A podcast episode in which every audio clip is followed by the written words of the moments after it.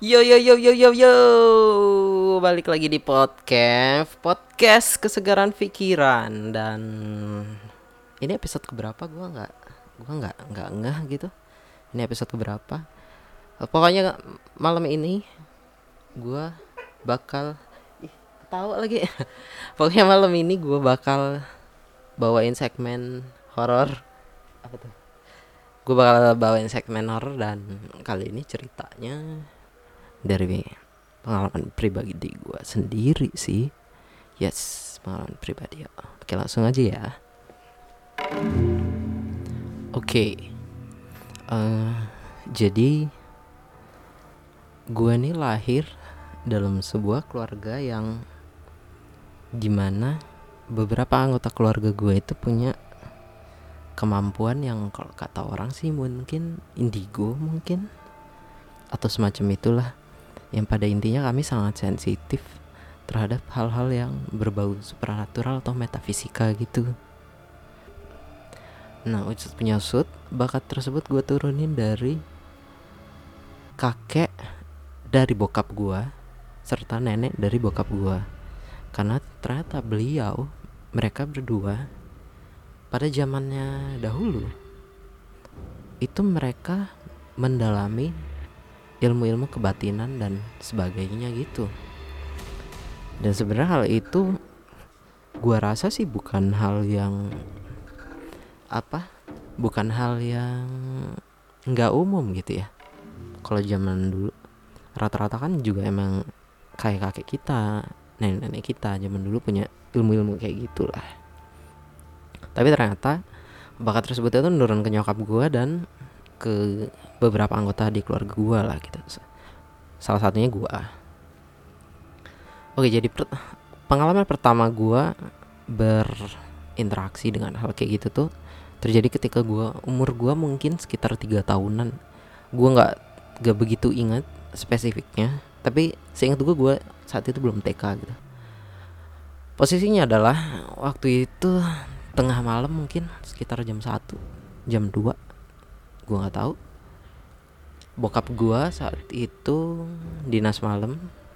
So bokap gue nggak di rumah.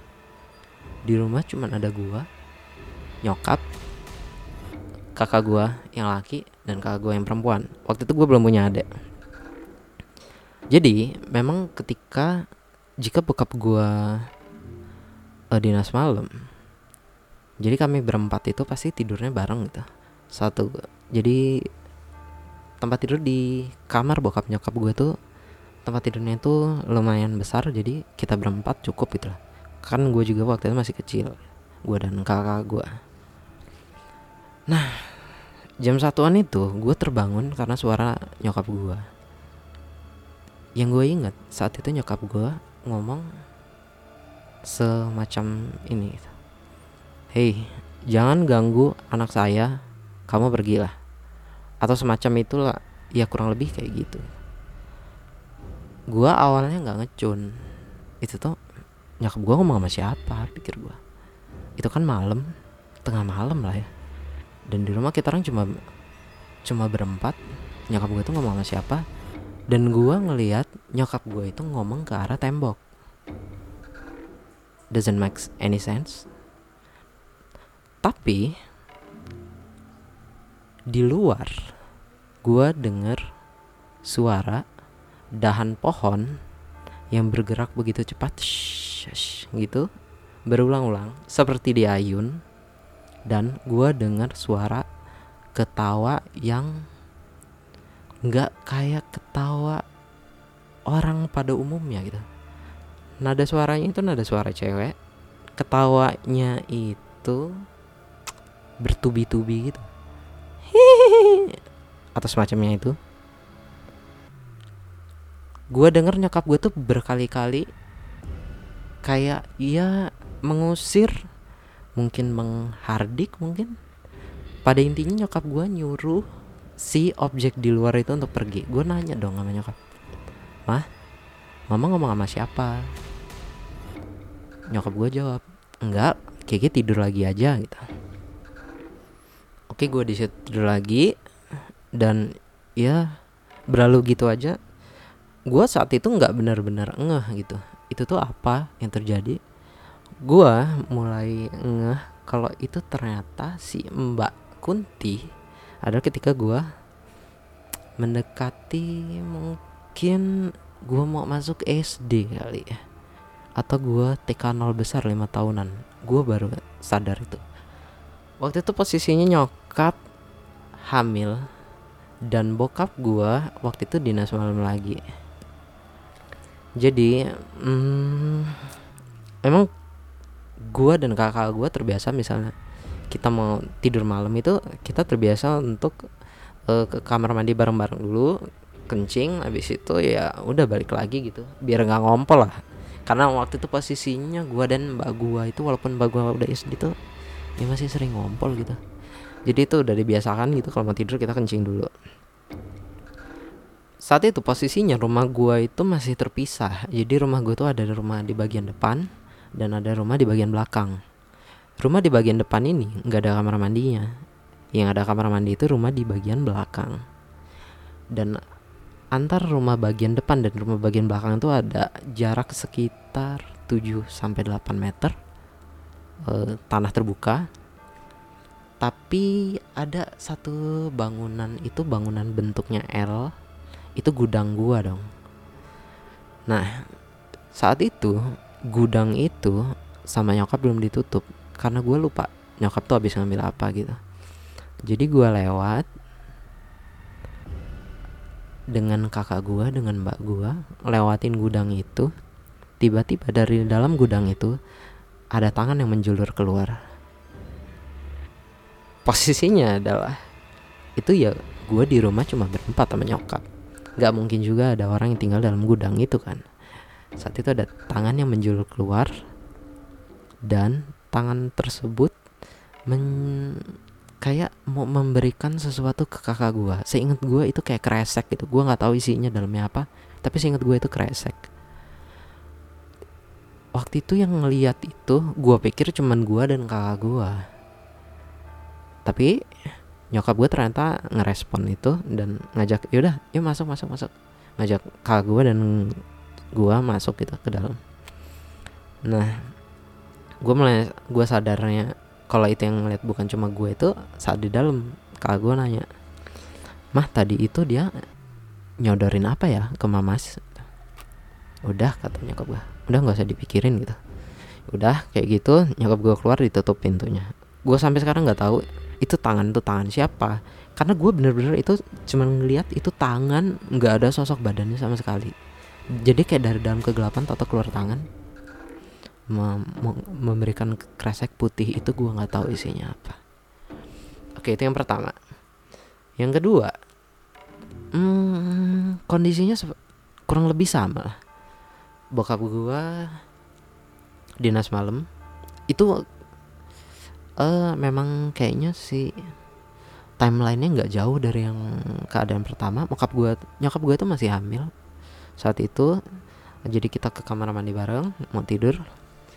Saat melewati sekat antar rumah gue yang pertama dan kedua itu kali ini ada hal yang beda.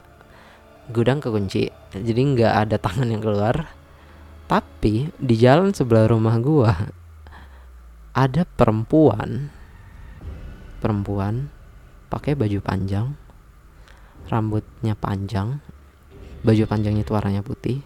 Jalan itu kebut banget kayak nggak nampak tanah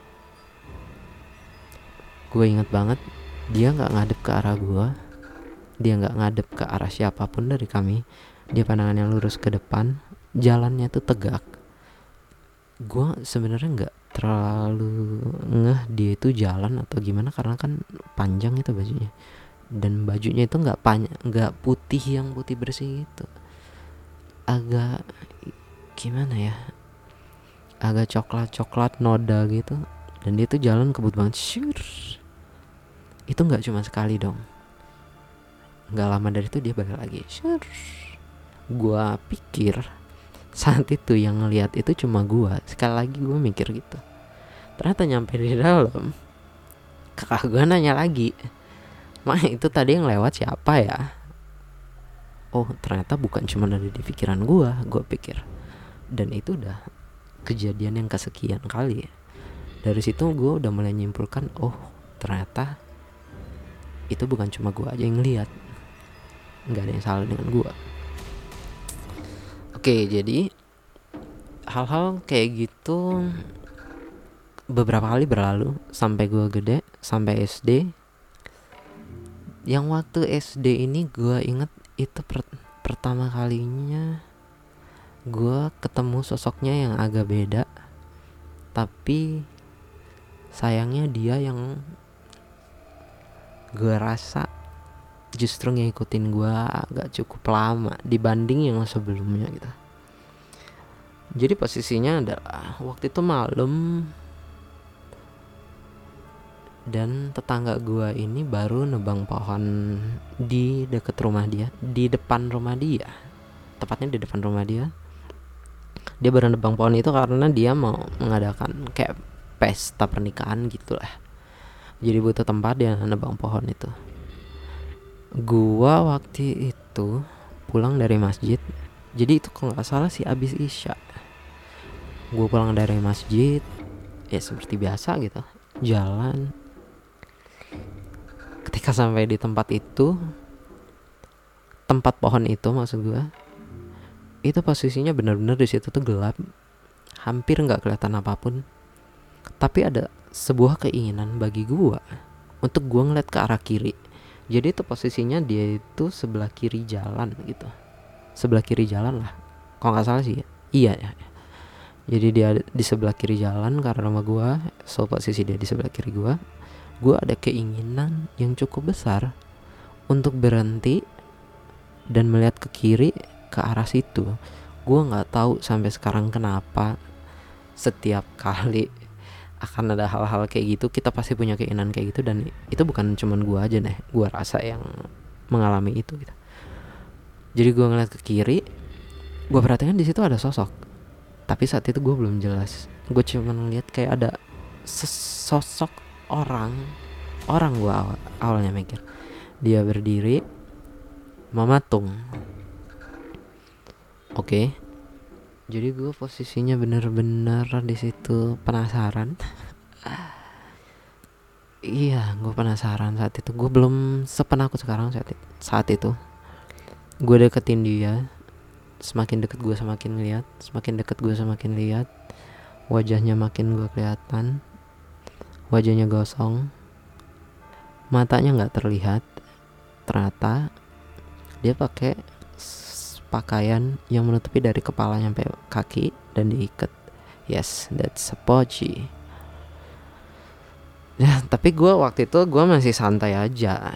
Gue masih oh ya udah gitu ada poci gue jalan lagi lanjut. Nah sayangnya gue nggak tahu kenapa si poci ini beberapa kali menunjukkan eksistensinya. Ketika gue sendirian gue jalan malam bahkan sampai gue gede gitu sampai gue dewasa sampai gue kuliah gue nggak tahu kenapa entah ya nggak tau lah gue nggak gue nggak pernah terlalu musingin itu gitu. Oke satu pengalaman lagi gue ketemu si kampret poji ini.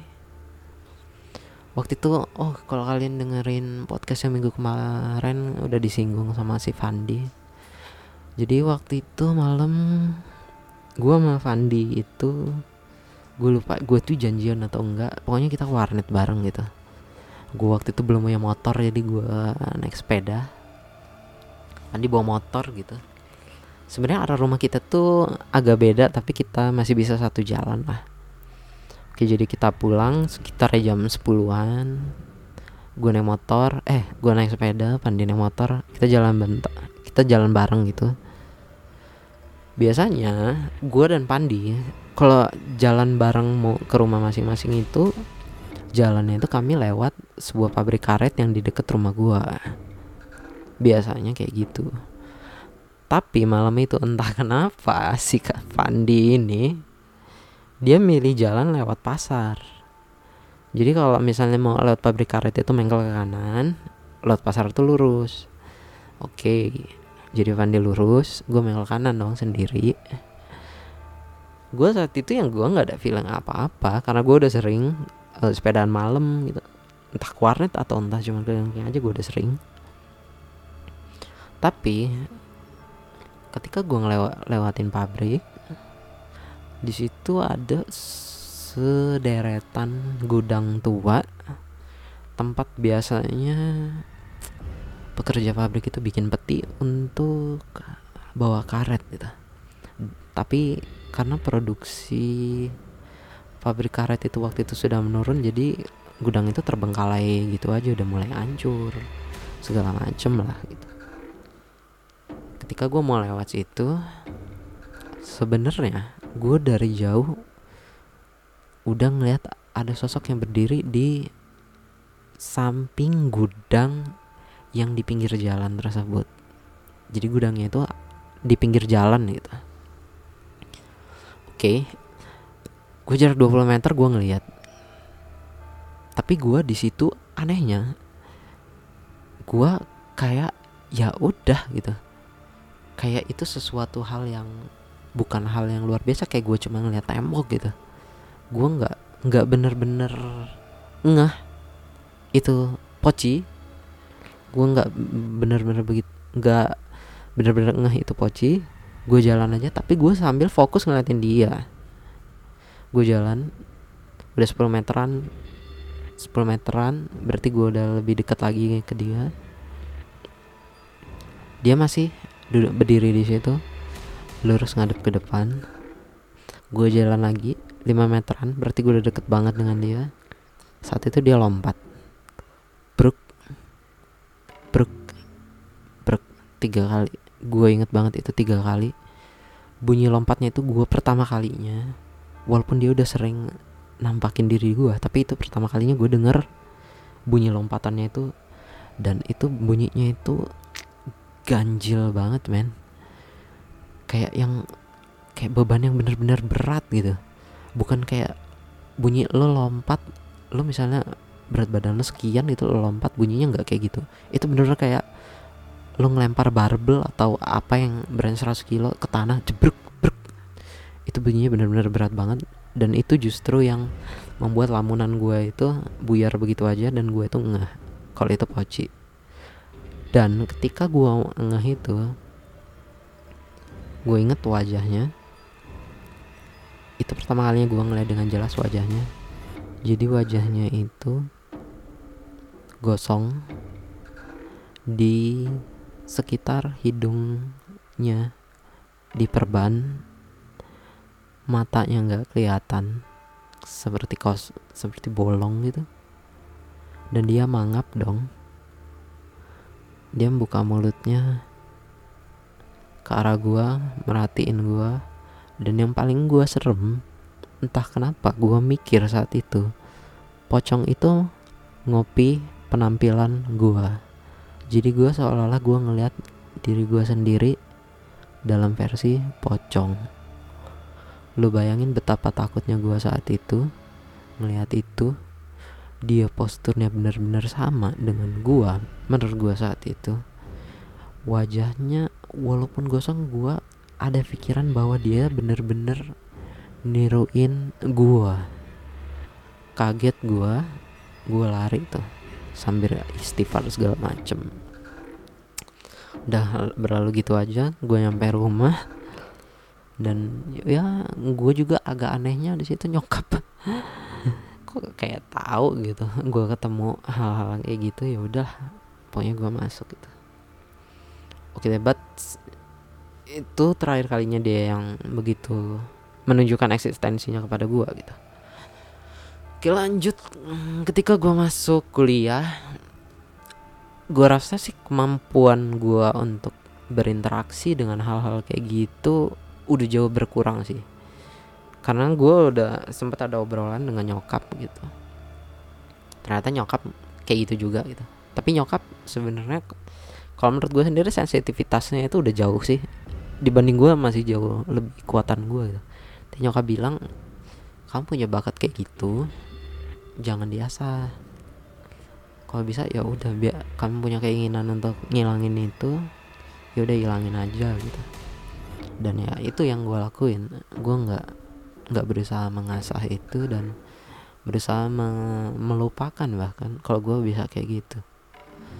Tapi masuk kuliah waktu itu gue lupa semester 3 mungkin ya posisinya gue waktu itu main komputer di rumah.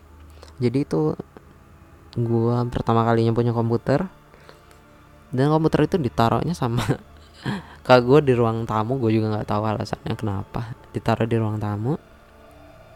Waktu itu malam mungkin udah jam 11an gue masih main PES. Gue ingat banget. Gue posisinya waktu itu nggak sendiri ya sebenarnya ada kakak gue di, di samping gue tapi dia tidur. Gue lagi asik main. Tiba-tiba gue denger dong suara itu lagi. Suara lompatan itu lagi. Tepat di depan pintu ruang tamu gue. Brek.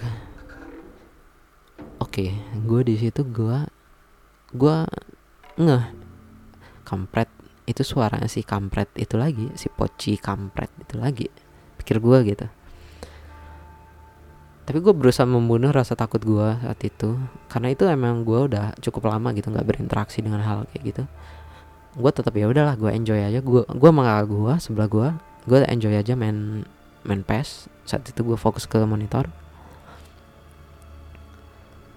Nah nggak lama dari itu dari lompatan itu satu hal yang aneh lagi terjadi. Gue entah kenapa ada keinginan lagi untuk melihat ke arah kiri yaitu ke arah pintu depan ruang tamu gue. Jadi spontan aja gue tiba-tiba ng ngeliat ke arah kiri. Pintu itu ketika gue ngeliat ke arah sana bergetar dong. Drrrr, bergetar dan kebuka sedikit demi sedikit gue di situ panik. Jujur aja gue di situ panik. Gue bangunin kakak gue dan pintu itu tuh udah kebuka setengah. Kakak gue bangun dan dia ngeliat ngeliat kejadian itu. Pintu itu kebuka. Tiba-tiba kakak gue bangun pintunya ketutup lagi. Tes. tutup lagi. Gue di situ takut gue jujur aja gue takut banget. Karena gue ya masih trauma sih bisa dibilang dengan kejadian sebelumnya. Kakak gue ngecek keluar dan nggak ada apa-apa. Gue di situ nggak bisa jujur aja gue di situ nggak bisa melogikakan itu bahwa itu tertiup oleh angin. Kenapa? Karena gue inget banget pertama gue udah ngunci pintu itu. Itu udah jam 11 malam. Posisinya di rumah gue semua anggota keluarga gue ada di rumah nggak mungkin nyokap atau bokap gue nggak meriksa kunci pintu itu lagi sebelum tidur. Itu nggak mungkin banget. Jadi posisinya gue sendiri yang nutup pintu itu ternyata dia kebuka sendiri. Gue nggak tahu gimana caranya. Dan yang gue bikin gue yakin itu bukan angin adalah ketika pintu itu kebuka pintu itu getarannya hebat banget. Seharusnya kalau angin kan ya dia kebuka ya kebuka aja nggak geter. Tapi itu geter banget. Dan yes that's it. Ya udahlah kita kunci. Ya udah begitu. Lupakan gitu aja. Oke yang terakhir. Ini bener-bener terakhir sebelum gua yang gua alamin deket-deket ini sih. Jadi gua waktu itu masih kuliah juga. Gua waktu itu gue lupa gua motivasi gua apa tapi gua waktu itu mulai belajar untuk yoga dan meditasi seingat gua. Dan yang gak gua tahu adalah efek dari gua belajar meditasi ternyata sense gua yang udah begitu lama itu memudar ternyata itu jadi kuat banget lagi bahkan berkali-kali lipat dibanding yang sebelumnya. Jadi suatu malam gua pernah ah gimana ya? Jadi suatu malam gue tuh bener-bener nggak bisa tidur. Gue nggak tahu kenapa gue nggak bisa tidur. Mungkin gue insomnia gitu kalau secara medis ya insomnia gitu. Dan emang kayaknya gue insomnia sampai sekarang. Tapi posisinya gue saat itu nggak bisa tidur karena gue jujur aja gue ketakutan. Tiap kali gue mau tidur ada entah apa kayak angin yang neken dada gue tiap kali gue bener-bener baru menjamin mata gue belum tidur gue belum nyampe masuk ke fase tidur sama sekali gitu tiap gue menjamin mata gue ada ngerasa itu. Gue lawan gue lawan. Dan gue ngik coba ngikutin kayak apa ya advice gitu dari orang zaman dulu. Kalau misalnya tidur mimpi buruk atau atau ketindihan gitu kan biasanya kan disuruh kita oke okay, ganti posisi gitu. Bantalnya ditepuk gue lakuin itu. Oke okay, gue bisa gue mulai nggak ke tekan lagi yang oleh entah apa yang gue nggak tahu. Tapi hal yang selanjutnya terjadi ternyata lebih mengerikan. Gue posisinya gue bener belum bener-bener tidur. Tiba-tiba ketika gue memejamkan mata gue ada yang megang kepala gua ngelus rambut gua dan nyibakin rambut gua saat itu gua bener-bener panik dan gua langsung bangun dong. Gua langsung gedor kamar nyokap gua. Dan ya panik kayak gitulah. Dan malam itu ya akhirnya gua tidur depan TV karena setahu gua mereka kan bentuknya kayak sinyal sinyal bukan sinyal ya gelombang elektromagnetik gitu. Dan gelombang elektromagnetik lain yang dari barang-barang elektronik itu bisa mengganggu mereka gitu. So gue jadi tidur depan TV sambil yang hidupin TV gitu. Dan ya udah aman lah nyampe pagi. Oke segitu aja sih kayaknya hari ini dari gue. Next gue bakal menggali lagi cerita-cerita yang jauh lebih serem. Karena ada beberapa pengalaman gue yang emang sengaja belum gue ceritain yang akan gue mungkin gue tulis dulu biar bisa tersampaikan lebih baik dan kalau misalnya kalian punya cerita yang ingin disampaikan di sini juga boleh sih bisa kalian DM ke Instagram gue atau Instagram Fandi gitu kalau punya gue Instagram gue at Chris, Ra Chris Rama K R I Z R A M A dan kalau punyanya Fandi Fandi Rozi F A N D I Rozi Oke. Okay. Jadi kalau kalian punya cerita-cerita bisa kalian DM linknya aja ke gue gitu.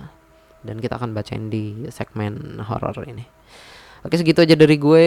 Thank you udah dengerin dan jangan lupa di follow, di share ke teman-teman kalian semua ya semoga kalian suka ya dengan podcast podcast dari kita. Sia sampai jumpa dalam kesempatan. Bye bye.